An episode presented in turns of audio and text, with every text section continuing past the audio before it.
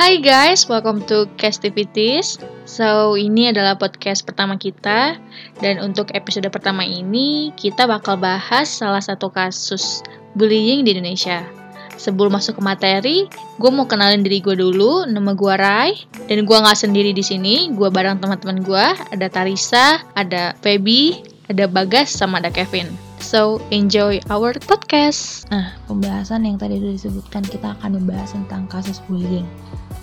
Fenomena bullying pasti bukan hal yang asing lagi di telinga masyarakat. Karena pada akhir-akhir ini sering banget terjadi kasus-kasus bullying di lingkungan masyarakat khususnya di kalangan remaja.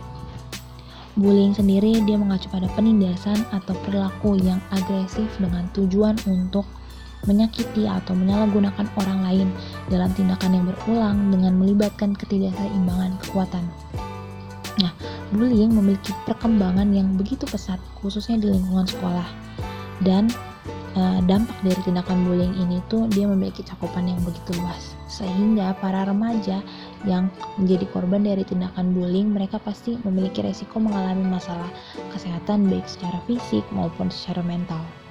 Seperti salah satu contoh kasus yang akan kita bahas pada podcast kali ini. Ini adalah salah satu kasus yang menarik. Kasus ini mungkin sudah pernah kita dengar, bahkan sampai sekarang masih kita dengar gitu karena kasus ini menjadi salah satu kasus yang viral dan hangat untuk diperbincangkan. Nah, kasus ini uh, adalah salah satu kasus uh, di mana siswi di SMA Negeri 1 Seragen, Jawa Tengah, dia mengalami atau menjadi korban bullying oleh seniornya sendiri di sekolah karena dia tidak berjilbab. Nah, siswi ini tuh sering banget mendapatkan kekerasan verbal secara langsung dan juga uh, melalui media sosial atau yang biasa kita kenal dengan cyberbullying. Sampai pada akhirnya siswi ini mungkin dia sudah terlalu capek karena sering banget terjadi bullying pada dirinya dan akhirnya dia memilih untuk pindah sekolah karena mengalami trauma di sekolah tersebut. Kenapa sih hal ini bisa terjadi? Nah, Hal ini tuh bisa terjadi karena adanya peraturan SKB 3 Menteri atau surat keputusan bersama tentang pemakaian seragam dan atribut bagi peserta didik, pendidik, dan tenaga kependidikan. Surat keputusan bersama ini dibuat pada tanggal 3 Februari 2021 setelah adanya kasus intoleransi di salah satu SMK di Padang yang mewajibkan siswi non-muslim untuk menggunakan jilbab. Dalam kasus ini, Komisi Perlindungan Anak Indonesia atau KPAI menyatakan hak untuk memakai seragam atribut keagamaan seperti jilbab adalah ranah individual. Karena KPAI menemukan beberapa kasus bullying akibat munculnya peraturan seragam atribut keagamaan baik oleh pemerintah daerah maupun sekolah sehingga KPAI mendorong negara mencari jalan untuk melindungi anak dari pemaksaan dan pelanggaran seragam khas keagamaan. Oke guys, gue bisa lanjutin ya. Simba Retno Lisyatri, beliau adalah salah satu komisioner KPAI. Dia menegaskan bahwa KPAI mendukung SKB 3 atau bisa dibilang surat keputusan bersama.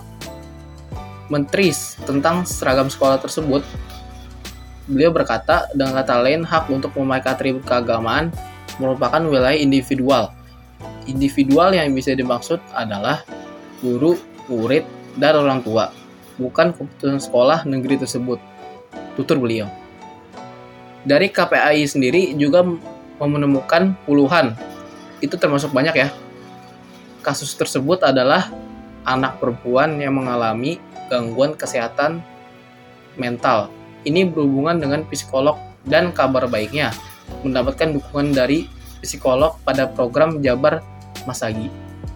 Mbak Retno dia juga berkata bahwa anak-anak perempuan tersebut menjadi tidak percaya diri, bahkan depresi.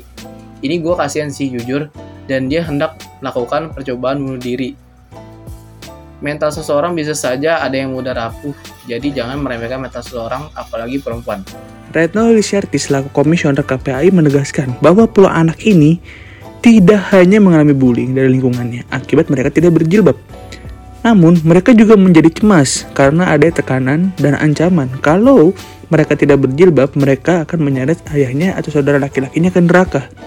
Dengan ada beberapa kasus yang terjadi ini, Maka dari itu, Menteri Pendidikan dan Kebudayaan, Menteri Dalam Negeri, Menteri Agama memberikan permohonan uji materi SKB ke Mahkamah Agung. Dan akhirnya dengan manakah kasus ini, Mahkamah Agung pun mengabulkan permohonan mereka terkait penggunaan pakai seragam dan atribut bagi peserta didik, pendidik, dan tenaga kependidikan di lingkungan sekolah, jenjang pendidikan dasar dan menengah. Gimana nih podcast kita hari ini? Terima kasih sudah mau mendengarkan podcast kami. Semoga kalian semua suka ya. Castivities akan menemani kalian dengan membawakan kasus dan isu-isu terbaru yang akan kita bahas bersama di setiap episode. Dan nantikan podcast kita selanjutnya. See you in the next episode.